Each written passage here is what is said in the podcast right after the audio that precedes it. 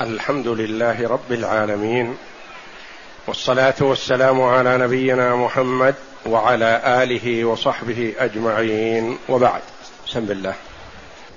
بسم الله الرحمن الرحيم. قال المؤلف رحمه الله تعالى باب الشروط في البيع. الحديث السابع والستون بعد المئة بعد المئتين.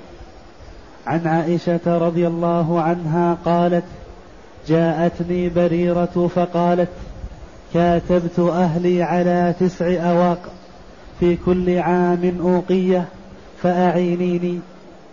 فقلت إن أحب أهلك أن أعدها لهم وولاءك لي. فعلت. فذهبت بريرة إلى أهلها فقالت لهم فأبوا عليها. فجاءت من عندهم ورسول الله صلى الله عليه وسلم جالس فقالت إني عرضت ذلك عليهم فأبوا إلا أن يكون لهم الولاء. فأخبرت عائشة النبي صلى الله عليه وسلم فقال خذيها واشترطي, واشترطي لهم الولاء فإنما الولاء لمن أعتق. ففعلت عائشة ثم قام رسول الله صلى الله عليه وسلم في الناس فحمد الله وأثنى عليه ثم قال أما بعد فما بال رجال يشترطون شروطا ليست في كتاب الله ما كان من شرط ليس في كتاب الله فهو باطل وإن كان مئة شرط قضاء الله أحق وشرط الله أوثق. وإنما الولاء لمن أعتق. هذا الحديث فيه فوائد عظيمة. أفرده بعض المؤلفين بالتصنيف. يعني صنفوا كتبا بإيضاح وما يستفاد من هذا الحديث. حتى إن بعضهم استنتج منه قرابة أربعمائة بين حكم وفائدة.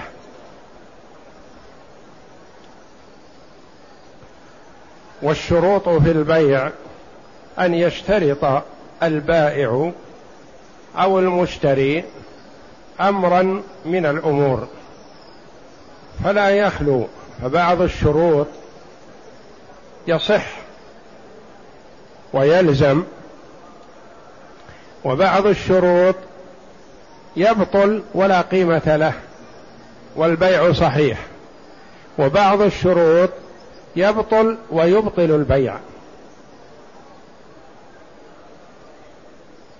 ويعرف هذا بالاستقراء.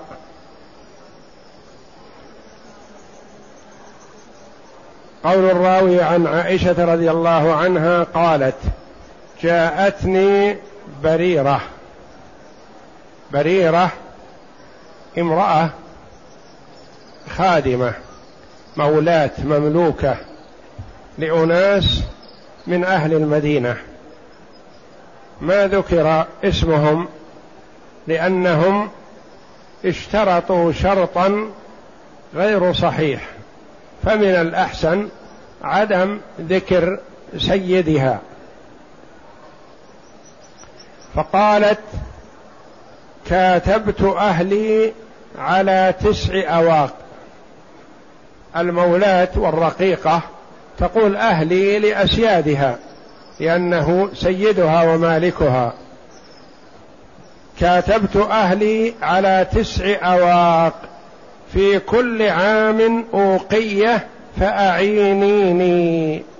كاتبت الرقيق يكاتب سيده على أن يعطيه مبلغ من المال فإذا سدده كاملا عتق.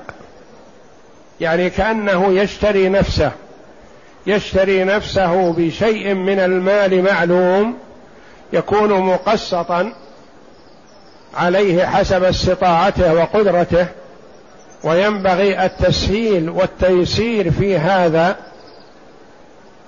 فهذه تسديدها لقيمتها مع سهولتها ويسرها خلال تسع سنوات.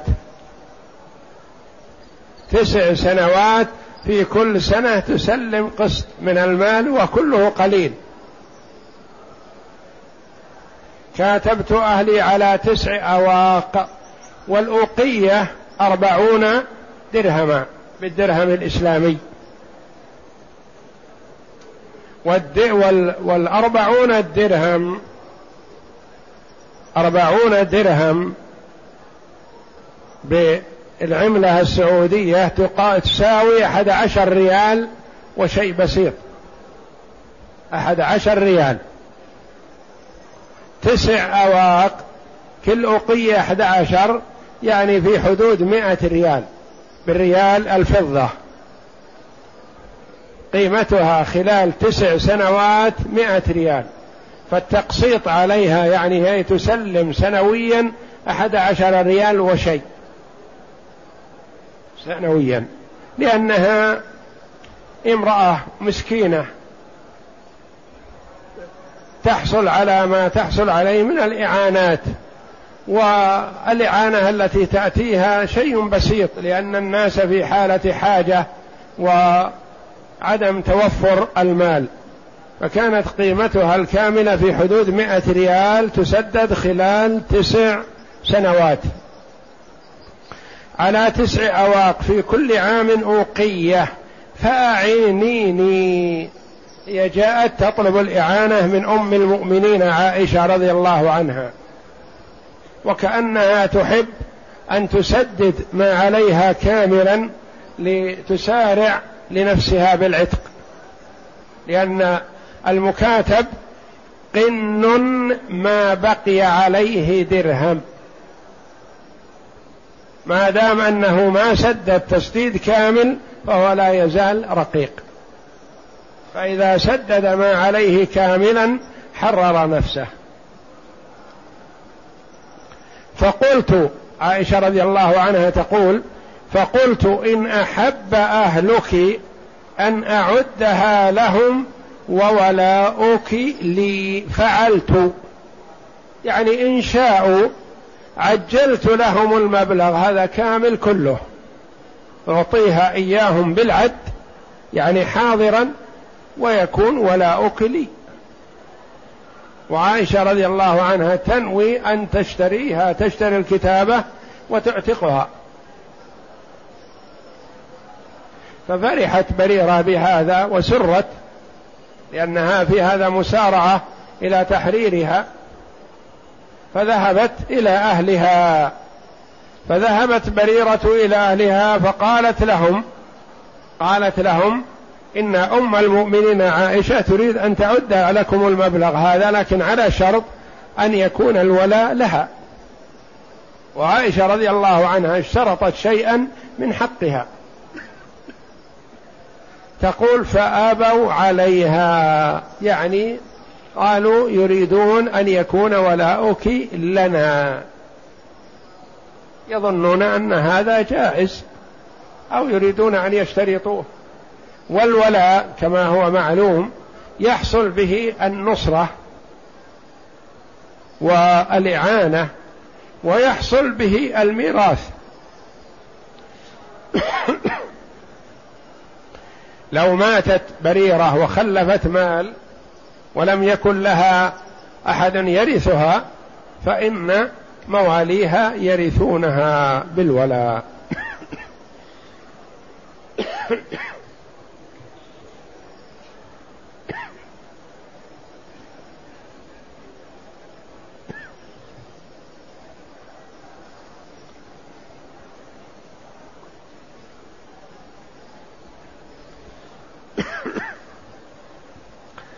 تقول فأبوا عليها. امتنعوا من أن يكون الولاء لعائشة رضي الله عنها. فعادت بريرة كئيبة حزينة. ما حصل لها ما كانت تريد. فجاءت من عندهم ورسول الله صلى الله عليه وسلم جالس عند عائشة. دل هذا على أن المرأة من حقها أن تتصرف في مالها وفيما يخصها ولا تستأذن زوجها. لأن الرسول عليه الصلاة والسلام جاءت بريرة وأخبرت وهو لا يدري عن عن شيء. فقالت إني عرضت ذلك عليهم. يعني طلبك. اردت ما أردت. من عد المبلغ ويكون الولاء لك. فأبوا إلا أن يكون لهم الولاء. أبوا. امتنعوا قالوا لا. إن كانت عائشة تعد لنا المبلغ ويكون ولاؤك لنا وإلا تنتقلين أنت ولائك لا. فعند ذلك أخبرت عائشة رضي الله عنها النبي صلى الله عليه وسلم بالقصة. قالت الموضوع كذا وكذا. وهذا من حسن أدبها رضي الله عنها. مع النبي صلى الله عليه وسلم ما أخذت تتخاطب مع بريرة وتأخذ وتعطي والرسول لا يدري عن الموضوع. أخبرت الرسول عليه الصلاة والسلام ورضي الله عن عائشة قالت الموضوع كذا وكذا فغضب النبي صلى الله عليه وسلم من هذا وهو لا يغضب إلا من شيء يؤثم. وذلك أن أولئك كأنهم طمعوا ورغبوا في أن يشترطوا شرطا لا يجوز طمعا في ميراث والا النصره مسكينة مولاه خادمة امرأة ضعيفة ما عندها نصرة. لكن طمعوا لعلها تترك مالا فيرثونها. فقال عليه الصلاة والسلام خذيها واشترطي لهم الولاء فإنما الولاء لمن أعتق. من هو المعتق في هذه الحال؟ وعائشة رضي الله عنها لأن اولئك باعوا على عائشة والبايع أخذ الثمن. خذيها واشترطي لهم الولاء. يعني قال بعض العلماء إن المراد اشترطي لهم الولاء يعني اشترطي عليهم ما لهم شيء. وقيل اشترطي لهم يعني سايريهم. وامشي معهم فيما يريدون فليس لهم شيء. حتى لو اشترطوا لو وافقت على هذا فإنه ليس لهم شيء لأن الولاء لمن أعتق. ففعلت عائشة رضي الله عنها. ثم إن النبي صلى الله عليه وسلم قام في الناس خطيبا. إذا علم عن شيء وقع فيه الناس محرم أو ممنوع شرعا وضح صلى الله عليه وسلم لأنه هو المبلغ عن ربه وهو المشرع للأمة. قام عليه الصلاة والسلام خطيبا وهكذا يحسن مثلا إذا وجد شيء منكر عم أو علم عنه أن من عنده علم يبينه ويظهره. وأن الداعي والموجه والمعلم أول ما يبدأ بحمد الله جل وعلا والثناء عليه جل وعلا بما هو أهله ثم الصلاة على النبي صلى الله عليه وسلم. فحمد الله وأثنى عليه ثم قال أما بعد. يعني يؤتى بهذه الكلمة أما بعد بعد المقدمة لأجل أن ينتبه السامعون. لما بعدها لأن ما بعدها كأنه هو المقصود بالقيام. أما بعد فالموضوع كذا وكذا. أما بعد فما بال رجال يشترطون شروطا ليست في كتاب الله. الشروط يعني المراد بكتاب الله هنا والله أعلم يعني في حكم الله وفي شرع الله لأن شرع الله جل وعلا جاء في كتابه. منه ما هو بين واضح ومنها ما هو مجمل. يفسره سنة رسول الله صلى الله عليه وسلم. فمن اشترط شرطا باطلا يقال هذا الشرط ليس في كتاب الله يعني ليس في شرع الله وليس من الدين. قد يقول قائل مثلا وما دليلك؟ نقول كل شرط ممنوع أو محرم أو لا يصح فإنه ليس في كتاب الله ليس في شرع الله فليس في شرع الله إلا ما هو مشروع وجائز.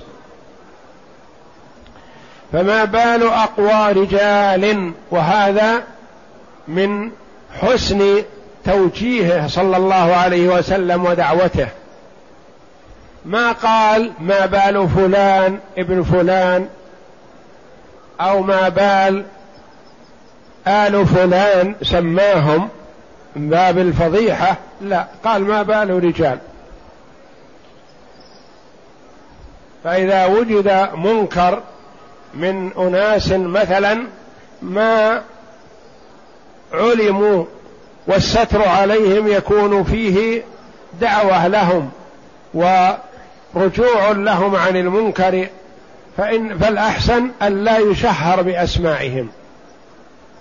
يقال وجد كذا أو سمع كذا أو تناقلت الألسن كذا ولا يقال إن فلانا فعل فما بال رجال يشترطون شروطا ليست في كتاب الله. ما كان من شرط ليس في كتاب الله فهو باطل. كل شرط لم يرد في الشرع فهو باطل ولا يجوز. والباطل لا قيمة له. وإن كان مئة شرط يعني وإن أكد بمئة مؤكد فإنه لا قيمة له. لأن ما جاز اشتراطه أخذ به وما لم يجز اشتراطه فلا يلتفت إليه حتى وإن أكد بمؤكدات كثيرة. قضاء الله أحق يعني ما قضاه الله جل وعلا وشرعه لعباده أحق وكلمة أحق هذه أفعل تفضيل. قال العلماء أفعل تفضيل هذا ليس على بابه. لأن أحيانا يأتي أفعل التفضيل يقال أفعل التفضيل هذا على بابه. وهذا وأفعل التفضيل هذا على غير بابه. إذا كان بين الاثنين مقارنة فيقال أفعل تفضيل على بابه. نقول مثلا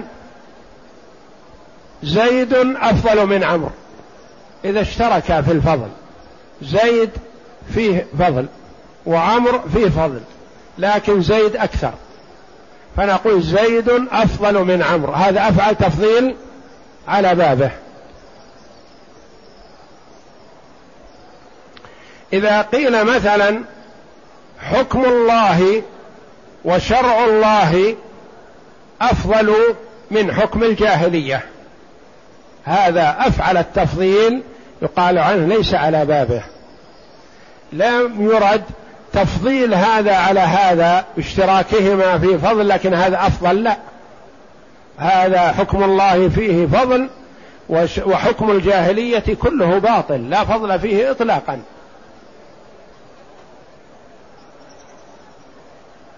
فمثلا ومثلا يقال لحم الضأن أطيب من لحم الخنزير. هل يشتركان في الطيب؟ لا. وإنما لحم الضأن طيب ولحم الخنزير خبيث. فهذا يقال عن أفعل التفضيل ليس على بابه. قضاء الله أحق. يعني قضاء الله حق وعدل. وقضاء غيره ظلم وجور. المخالف لقضاء الله ظلم وجور فهو حكم الجاهلية. وشرط الله أوثق. شرط الله ما شرطه الله ما أجاز الله جل وعلا اشتراطه فهو الموثق للعقد وما عداه فلا. ثم أتى بالخلاصة من خطبته والمراد بالذات قال وإنما الولاء لمن أعتق. الولاء ما يشترط. ما يقول مثلا ابيع عليك هذا الرقيق على أنك إن أعتقته فالولاء لي. قل لا. حتى لو اشترط هذا الشرط فإنه شرط باطل. نقول الولاء وإنما الولاء لمن أعتق وإنما أداة حصر. فحصرت الولاء في من اعتق. أما من باع فلا ولاء له ومن وهب فلا ولاء له ومن أجر فلا ولاء له. إنما الولاء لمن اعتاق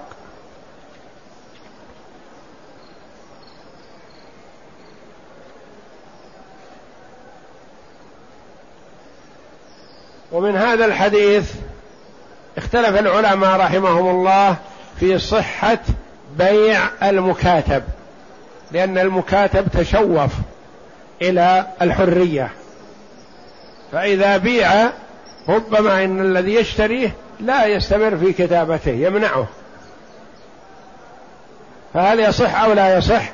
في ثلاثة أقوال للعلماء رحمهم الله. قال بعضهم يصح. وأخذوا من هذا الحديث. قال آخرون لا يصح لأن السيد اتفق مع رقيقه على أمر من الأمور فيلزم المضي فيه ولا يجوز بيعه في هذه الحال. جماعة آخرون قالوا يصح بيعه بشرط العتق. يعني أنا مثلا إذا كاتب الرجل رقيقة على أنه مثلا يدفع له كذا خلال عشر سنوات ثم يعتق بعد هذا. قالوا يصح بيعه إذا كان المشتري له سيعتقه من الآن لأن في هذا مصلحة للرقيق. تأخير عتقه إلى عشر سنوات وربما عجز عن السداد فيعود رقيقا. فقالوا يصح بيعه إذا عتق. إذا إذا كان بشرط العتق يعني يكون المشتري له التزم بعتقه نعم اقرأ. الغريب كاتبت مشتقة من الكتب وهو الجمع لأن نجوم أقساطها جمعت على العبد. جمعت. جمعت على العبد. وقيل من الكتابة لأنهم يكتبون العقد هذا بينهم وبين الرقيق. نعم. أواق الأوقية أربعون درهما. الأوقية أربعون درهم. والدرهم معلوم مئة الدرهم كم؟ ستة وخمسون ريال. فأربعون الدرهم إحدى عشر ريال وشيء بسيط. الأربعون درهم إحدى عشر ريال سعودي بريال الفضة. نعم. وتقدم ضبطها بالعملة الحاضرة في الزكاة. وولاؤك لي الولاء هو النصرة لكن خص في الشرع بالعتق الذي هو تحرير الرقبة وتخليصها من الرق. فما بال حال؟ يعني ما بال هؤلاء يعملون كذا؟ نعم. في كتاب الله أي في شرعه الذي كتبه على العباد وحكمه العام. وإن كان مئة شرط لم يقصد لم يقصد بالمئة التحديد. يعني لو قصد بالمئة التحديد يعني معناه إذا كان مئة واحد أو مئة وخمسة صح. لكنه ما قصد التحديد وإنما قصد أن الشرط إذا كان ليس في شرع الله مهما أكد بأي مؤكد كان فإنه لا يلزم. نعم. وإنما قصد التوكيد والمبالغة للعموم. ويدل على ذلك قوله من اشترط شرطا ليس في كتاب الله فهو باطل قضاء الله أحق وشرط الله أوثق. أحق وأوثق جاء على صيغة التفضيل وليس على بابهما بمعنى أن في كل من الجانبين حق ووثاقة. يعني إذا صار على بابه يكون في كل من الجانبين حق وهذا ليس مراد. كما قلنا في زيد أفضل من عمرو يعني في كل منهما فضل لكن زيد أكثر. بخلاف حكم الجل حكم الله أعدل من حكم الجاهلية فهذا يقال ليس على بابه لأن حكم الجاهلية لا يقارن بحكم الله جل وعلا. نعم. وإنما جاءت الصيغتان مرادا بهما أن قضاء الله هو الحق وشرط الله هو القوي فهما صفتان مشتبهتان. مشبهتان. مشبهتان. مشبهة صفة مشبهة. نعم.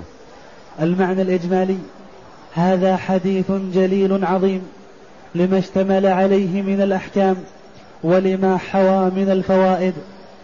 ولقد أفرده بعض العلماء بالتصنيف واستخرجوا منه ما يزيد على أربعمائة حكم وفائدة. ونحن نجمل أهم الأحكام التي يدل عليها. فملخص القصة أن أمة لأحد بيوت أهل المدينة يقال لها بريرة. كاتبت أهلها بمعنى اشترت نفسها من سادتها بتسع أواق من فضة تسلم لهم كل عام أوقية واحدة وكانت تخدم عائشة ولها بها صلة ومعرفة. فجاءتها تستعينها على وفاء كتابتها لتخل لت لتخلص من الرق لأن المكاتب رقيق ما بقي عليه درهم واحد.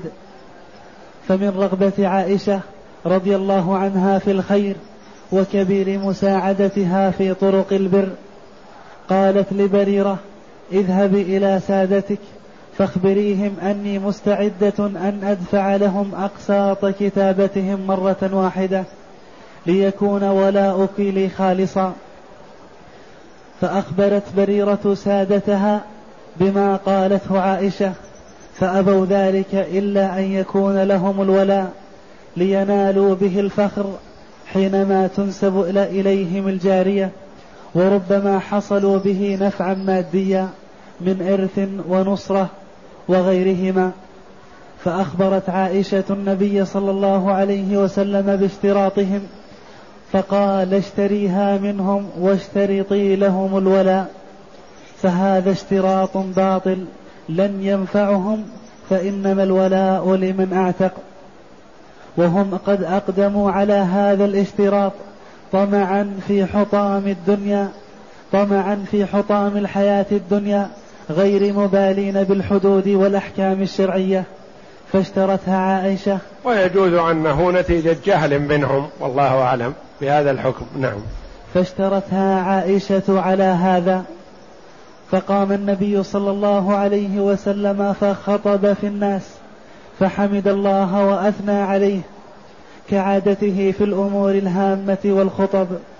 ثم انتقل من الثناء على الله تعالى بقوله أما بعد إلى زجر الناس عن الشروط المحرمة المخالفة لكتاب الله تعالى فقال ما بال رجال يشترطون شروطا ليست من أحكام الله وشرعه وإنما هي من دافع الطمع والجشع.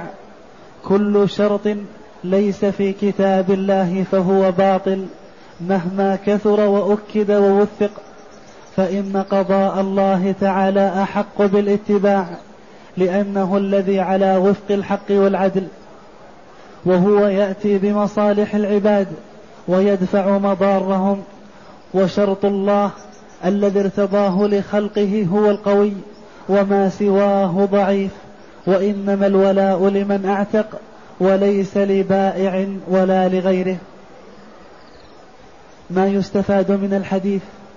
اولا مشروعية مكاتبة العبد لأنها طريق إلى تخليصه من الرق وفك رقبته.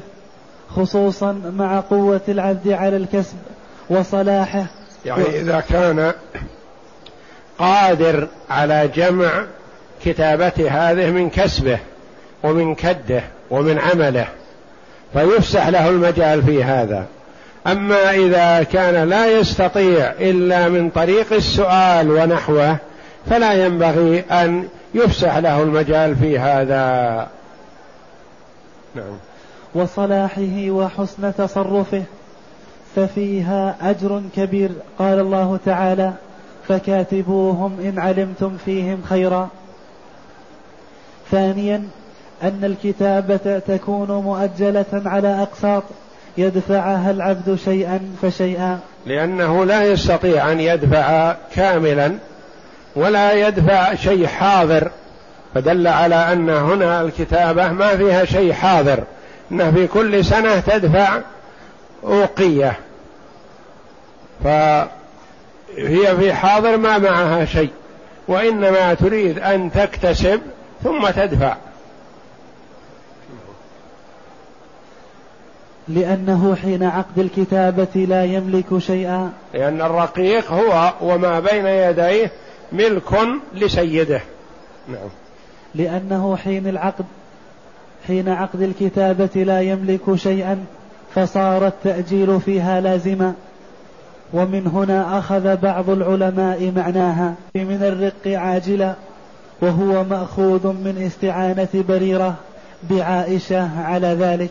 لأنها تريد أن تعينها لعلها أن تسدد فتستريح. وإلا تبقى رقيقة إلى تسع سنوات. فإذا سددت كامل حررت نفسها. رابعا جواز بيع المكاتب لأن النبي صلى الله عليه وسلم أذن لعائشة في شرائها وبريرة لم تأت عائشة إلا لطلب العون.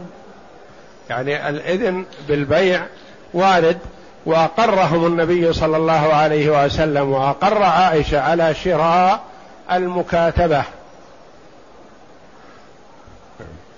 وقد منعه بعض العلماء. منعوا بيع المكاتب. قالوا إنه تشوف إلى الحرية فإذا بيع عاد رقيقا لأنه قد لا يكاتبه سيده الآخر. نعم. ويحتاجون إلى جواب عن هذا الحديث ولا جواب عندهم يكفي للعدول عنه. قال بعضهم إنها انها لعلها عجزت عن التسديد. والرق المكاتب إذا عجز عن التسديد عاد رقيقا. فبريرة ما بيعت وهي تستطيع التسديد ما أرادت عائشة شراءها إلا لما عجزت. هذا من أجوبتهم. رحمهم الله. نعم. وممن قال بجواز بيعه الإمام أحمد رحمه الله تعالى. خامسا أن شرط الولاء في البيع باطل لأن الولاء للمعتق لا للبائع. يعني ما يجوز أن يشترطه أي شخص. يتم التبايع بين الاثنين ومعروف. الآخر اشترى. إن أعتق فالولاء له. وإن باع هو كذلك الآخر فليس له شيء. ليس له ولاء. فالولاء يكون لمن اعتق متى ما اعتق بأي طريق من طرق العتق فإن الولاء لمن اعتق. نعم. فهو لحمة كلحمة النسب يعود نفعه على من أنعم على العتيق فهو لحمة كلحمة النسب يعني صلة وعلاقة ومودة مثل القريب مثل الأخ وابن العم وابن الخال ونحوه. ما ما يباع هذا أو يتنازل عنه. يقول هذا ابن عمي أنا أبيع قرابتي له بكذا وكذا. أو يشتري قرابة آخر ليكون قريبا له. الولا كذلك لا يباع ولا يوهب وإنما هو لحمة كلحمة النسب. نعم. فهو لحمة كلحمة النسب. يعود نفعه على من أنعم على العتيق بالعتق. يعني الولاء يكون لمن أعتق لأنه هو الذي نفع الرقيق.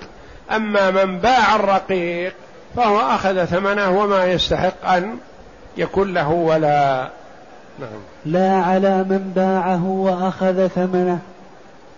وهذا من تمام عدل الله في أحكامه. وأما البيع فصحيح. لأن النبي صلى الله عليه وسلم لم يبطل العقد بما اشترطه أولياء بريرة على عائشة. وإن قال عليه الصلاة والسلام هذا الشرط يبطل البيع. البيع صحيح والشرط باطل يبطل وحده. نعم. وإنما أفاد صلى الله عليه وسلم أن الشرط باطل. سادسا أخذ العلماء من هذا الحديث. أن البائع إذا اشترط على المشتري عتق العبد المبيع فإن الشرط صحيح.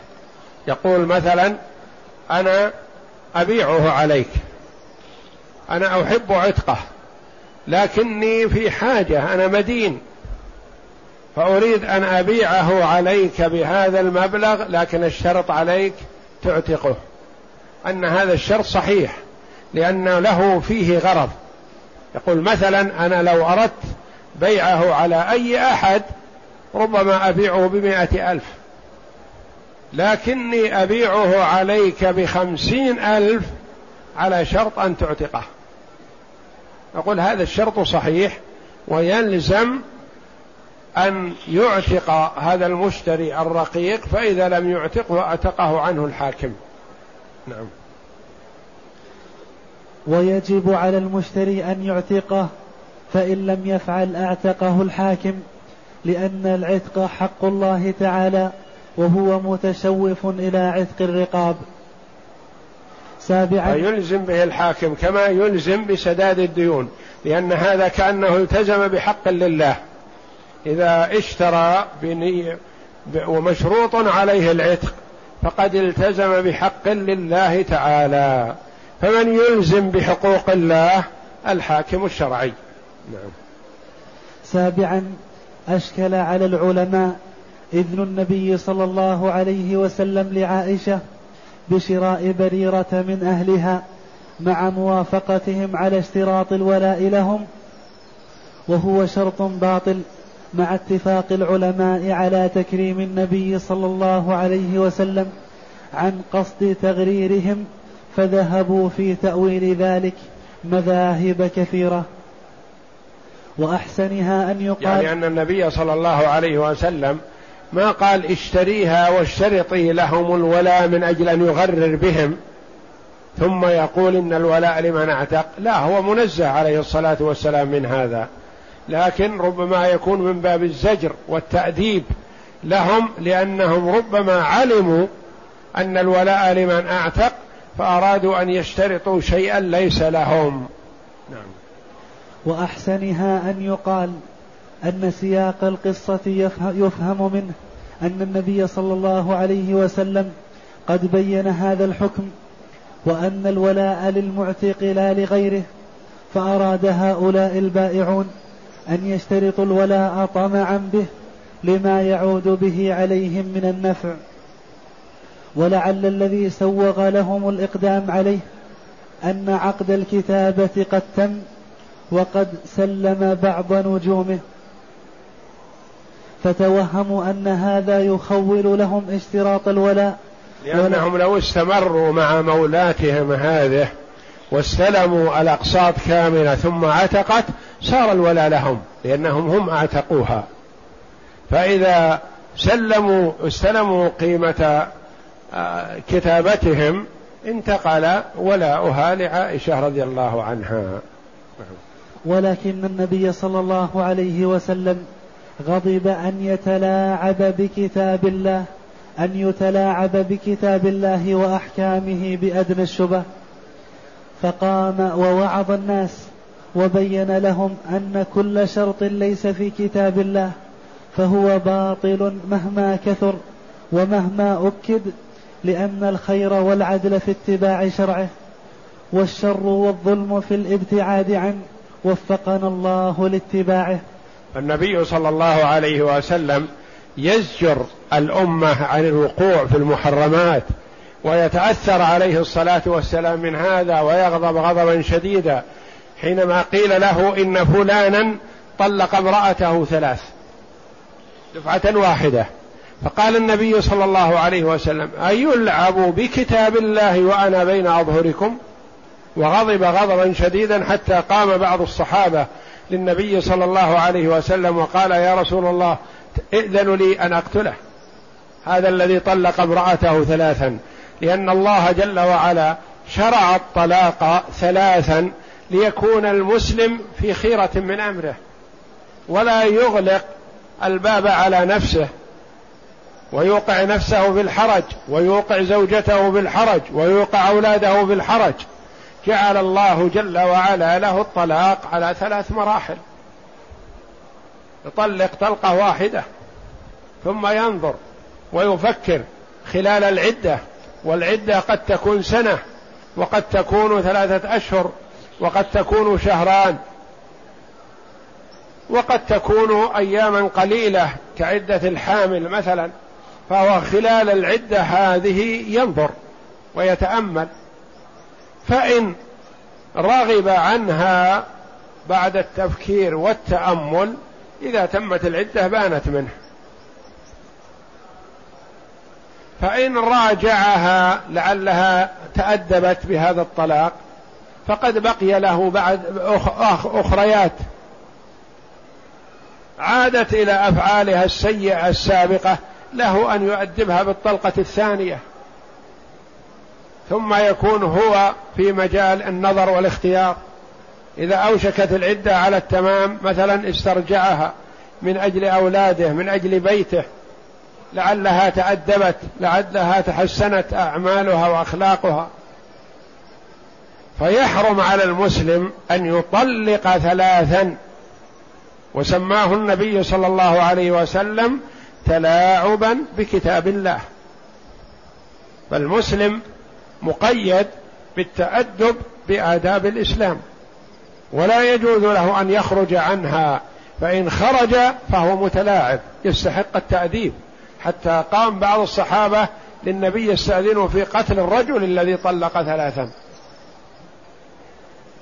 ومثل ذلك الظهار حينما أنزل الله جل وعلا في الظهار وسماه منكر من القول وزور وهكذا ينبغي للمسلم أن يبتعد عن كل ما حرم الله جل وعلا ومنعه شرعا.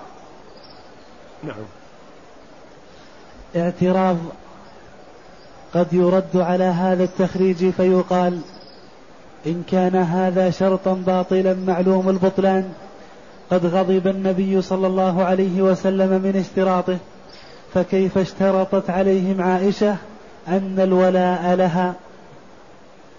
ولعل الجواب أن الحكم قد اشتبه عليها مع وجود الكتابة وتسليم بعض الأقساط فأرادت أن تحتاط لنفسها. يعني كأن عائشة رضي الله عنها اشترطت الولاء لها.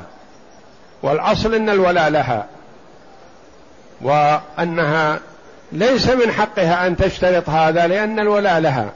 لكن عائشة رضي الله عنها اشترطت هذا لأنهم استلموا بعض الأقساط والكتابة جرت بينهم وبين بريرة فيخشى أن هذا الأمر مسوغ لأن يكون الولاء لهم.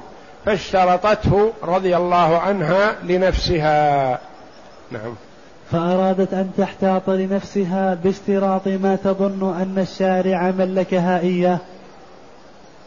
وحين أبوا أخبرت النبي صلى الله عليه وسلم بإبائهم فكان الغضب منصبا على الذين يريدون شرطا مخالفا لحكم الله مع أنه ربما كان قد وقع منهم بتأويل بعيد.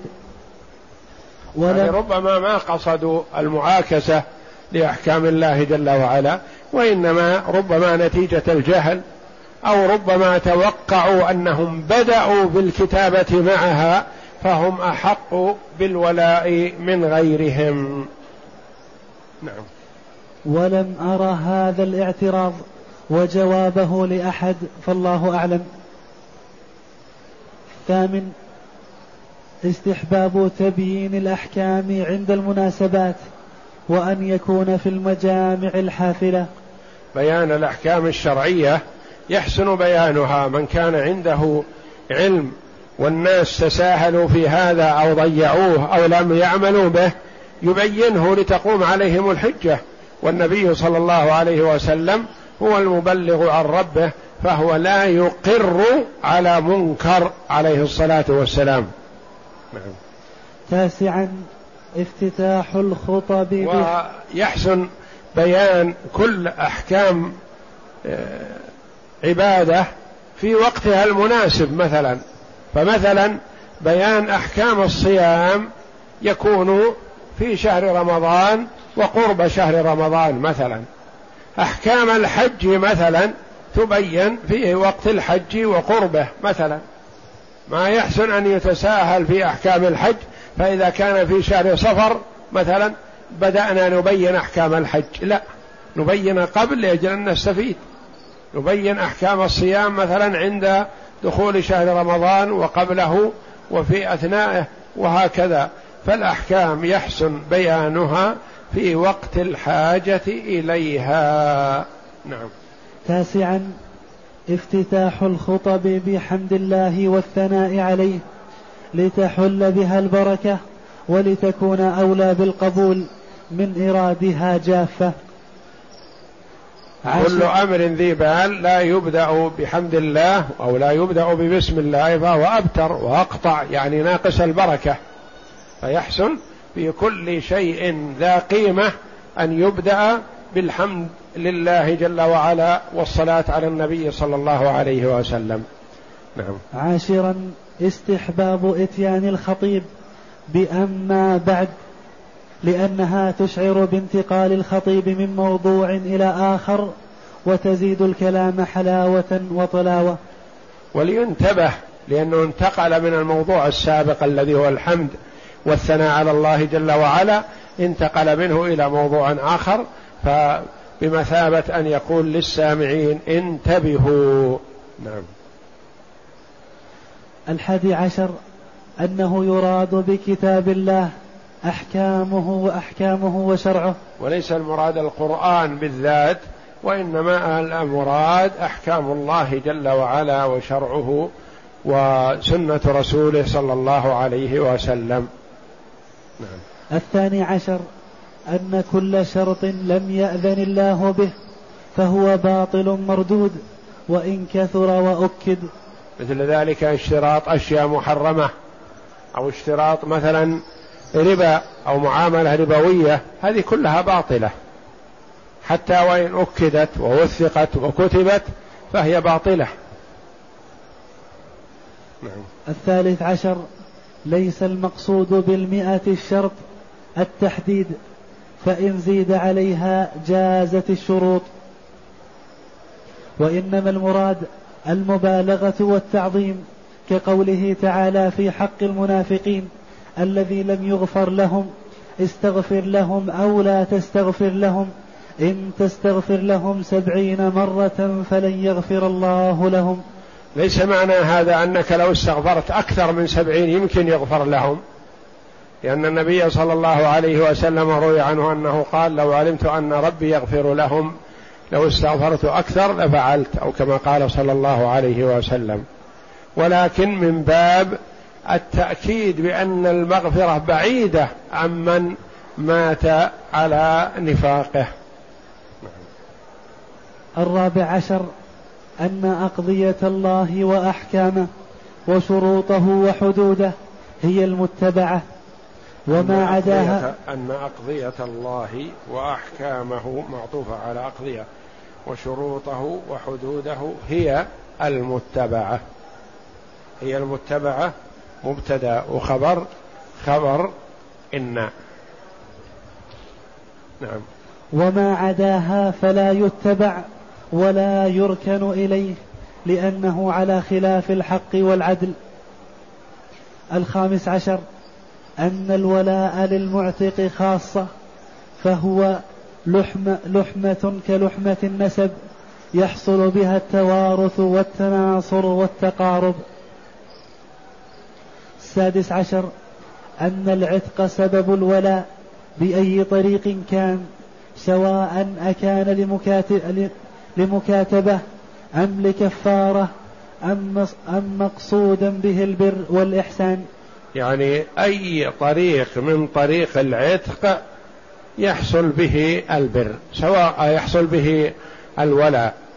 يعني سواء أعتقه لأن عليه كفارة قتل أو أعتقه لأن عليه كفارة ظهار أو أعتقه لأنه جامع في نهار رمضان وهو صائم أو أعتقه كتابة يعني دفع له مبلغ. والعادة والجاري على أن موضوع الكتابة يتساهل السيد مع عبده ولا يستوفي القيمة كاملة. يسامحه أو كان أعتقه تبررا تقربا إلى الله جل وعلا. فكل أنواع العتق تحصل به يحصل به الولاء لمن تسبب فيه. نعم. السابع عشر أن الشروط التي على خلاف مقتضى العقد فاسدة بنفسها غير مفسدة للعقد. فإن عقد البيع يقتضي أن يكون الولاء للمشتري الذي أعتق فشرط الولاء لغير المعتق خلاف مقتضى العقد فيكون فاسدا. والله أعلم وصلى الله وسلم وبارك على عبده ورسول نبينا محمد وعلى آله وصحبه أجمعين.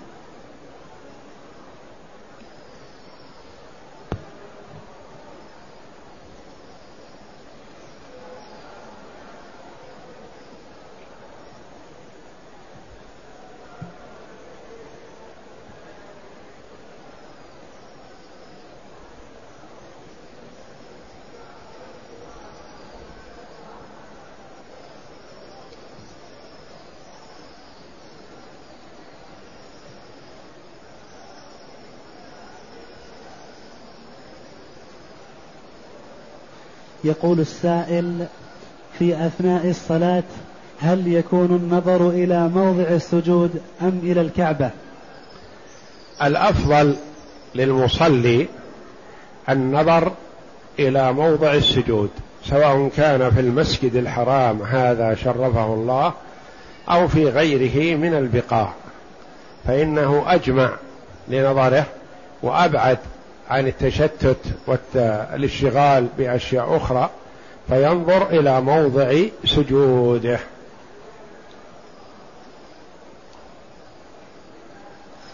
يقول السائل زوجتي مرضت ستة أشهر وتريد أن تقضي صيام رمضان فكيف تقضيه؟ إذا مرض الرجل أو المرأة ولم يستطع الصيام فالصيام فيه مهلة والحمد لله. متى ما قدر على الصيام قضى. ولو كان التأخير لأكثر من سنة ما دام أنه ما يستطيع فليس عليه إلا القضاء. فمثلا جاءه رمضان وهو مريض ما صام وهو يأمل ويرجو البر استمر معه المرض. جاءه رمضان الآخر وهو على حالته. أو أحسن من حالته أو أقل لكنه ما يستطيع الصيام. لا حرج عليه يؤجل فمتى ما من الله عليه بالشفاء قضى. ولا يلزمه مع القضاء كفارة ولو كان التأخير لأكثر من سنة ما دام لعذر. أما إذا كان التأخير بدون عذر فيلزمه مع القضاء كفارة إطعام مسكين. فمثلا الرجل أو المرأة عليهما صيام من رمضان. لهم حق القضاء بدون كفارة من شوال إلى شعبان. فإن جاء رمضان وهو لم يقضي وهو قادر على القضاء فيصوم رمضان الحاضر. ثم بعد رمضان الحاضر يقضي رمضان الماضي ويطعم عن كل يوم مسكين لكونه أخر القضاء بدون عذر.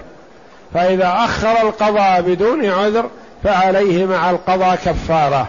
أما إذا كان تأخير القضاء لمرض ونحوه فإنه ليس عليه كفارة وإنما عليه القضاء فقط.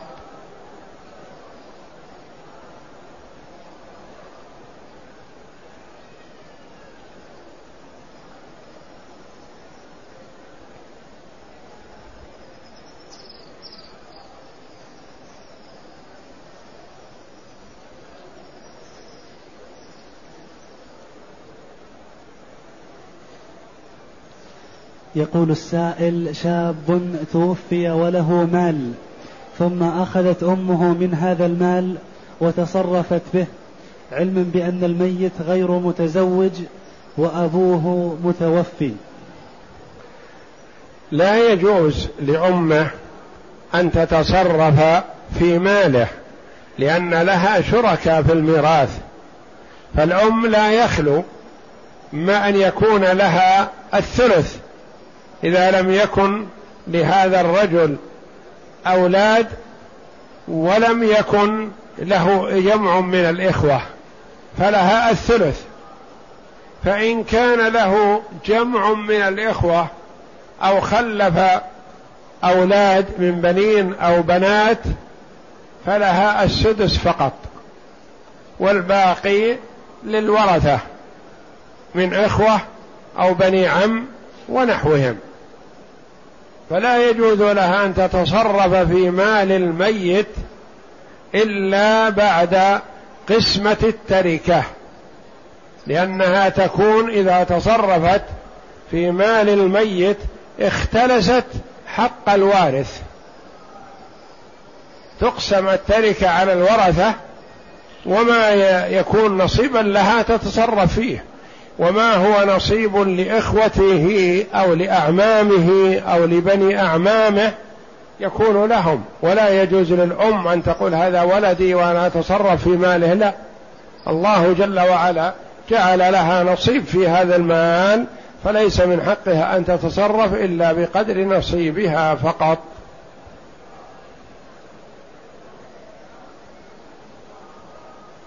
يقول السائل هل العمرة لها طواف وداع؟ يرى بعض العلماء هذا ويرى بعضهم أنه لا يلزم طواف الوداع إلا في الحج. امرأة أتت للعمرة وهي في الحيض ماذا تفعل؟ عليها أن تستمر على إحرامها ومتى ما انقطع دمها تغتسل ثم تؤدي العمرة تطوف وتسعى وتقصر من رأسها وقد حلت. من عمرتها.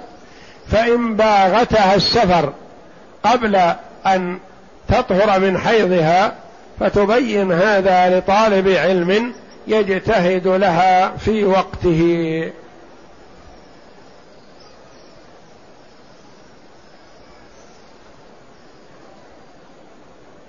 هل يجوز للمرأة المسلمة وهي في حال الإحرام الطواف والسعي مغطية لوجهها وكفيها. الجواب نعم بل يجب عليها أن تغطي وجهها وكفيها عن الرجال الأجانب.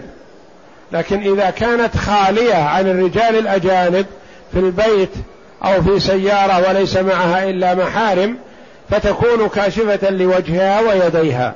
فإذا كان معها رجال أجانب فيلزم أن تغطي وجهها وإن كانت محرمة فإذا ابتعدت عن الرجال الأجانب كشفت. لقول عائشة رضي الله عنها كنا مع النبي صلى الله عليه وسلم محرمات فإذا حاذوا بنا الرجال الرحال سدلت إحدانا جلبابها على وجهها فإذا جاوزونا كشفناه. فأمهات المؤمنين يغطين الوجوه وهن محرمات عند الرجال الأجانب فإذا جاوزوهن كشفنا والله أعلم.